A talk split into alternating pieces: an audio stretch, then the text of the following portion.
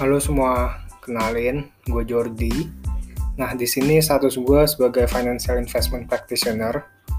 Jadi di sini gue pengen ngasih pengalaman gue mengenai awal mula gue berinvestasi. Nah, awalnya gue nggak ngerti banget tuh apa sih itu investasi. Menurut gue hal ini salah banget sih, meskipun waktu itu gue baru berusia 17 tahun, di mana gue seharusnya sudah mengerti mengenai dunia investasi keuangan. Dulu yang gue tahu itu adalah deposito. Kita semua tentunya tahu bahwa deposito itu ada batas waktu penarikannya. 1, 3, 6, atau 12 bulan. Nah, pada saat itu gue merasa bahwa uang yang gue taruh di deposito itu nggak aman. Kenapa sih? Kok bisa gitu? Karena gue takut misalnya ada kejadian apa-apa, gue nggak akan bisa tarik uang deposito gue. Nah, karena pemikiran itu, akhirnya gue mengurungkan diri untuk tidak berinvestasi di deposito di bank. Dua tahun pun berlalu dan seiring berjalannya waktu, gue banyak belajar mengenai deposito dan dari sinilah gue mulai menaruh sebagian uang gue di deposito. Oh ya, kalau teman-teman boleh tahu, sejak gue berumur 17 tahun, gue udah punya tabungan yang lumayan cukup besar dan uang ini gue dapat pertama dari uang ampau tahunan gue yang gue tabung dan selain itu semasa kecil gue juga dulu itu disuruh sama orang tua gue untuk selalu rajin nabung. Jadi dulu gue masih ingat banget pada saat SD itu gue cuma dikasih uang jajan 2000 per hari. Nah dulu itu 2000 itu bisa dibuat beli mie gelas dua buah. Nah jangan bayangkan 2000 saat ini ya. Nah dari situ uang jajan gue selama satu bulan gue tabung sedikit demi sedikit dan eh ternyata nggak berasa ya. Pada saat gue umur 17 tahun uang gue udah lumayan gede. Nah kembali lagi ke investasi yang gue jelaskan tadi. Semenjak umur 17 tahun itu gue masih nggak paham mengenai investasi deposito.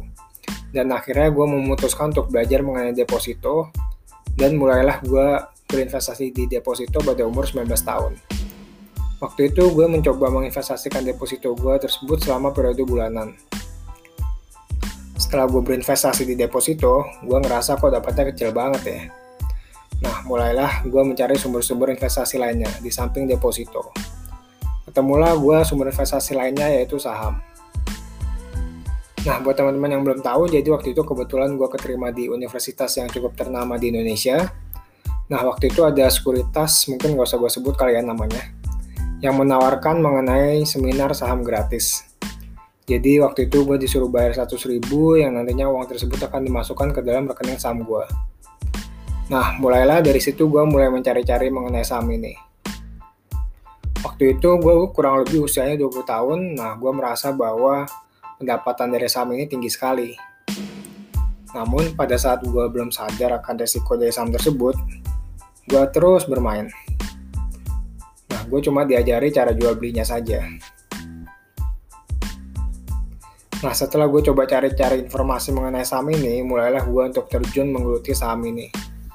Gue masih inget banget, ketika gue melakukan internship, gue malah main jual beli saham. Gue cuma jual beli sesuai rekomendasi orang. Dan kalau teman-teman ingin tahu, waktu itu gue hanya berinvestasi sekitar kurang lebih 1 juta rupiah saja. Nah, gue mulai coba-coba untuk jual beli saham pada saat gue magang tersebut. Kebetulan waktu itu pas gue magang tempat duduk gue ada di pojok, sehingga cukup aman untuk melakukan jual beli saham pada saat itu. Karena uang yang gue investasikan hanya 1 juta rupiah, tentunya uh, return yang didapatkan dari saham juga tidak seberapa. Bayangkan jika keuntungan 10% saja, maka gue hanya dapat 100 ribu doang. Nah, uh, semakin besar untung yang gue dapat, gue pun akhirnya mulai menambah rekening saham gue menjadi 2 juta, 3 juta, sampai akhirnya 5 juta rupiah. Mungkin itu dulu yang pengen gue share. Mungkin bisa lanjut ke sesi berikutnya. Terima kasih.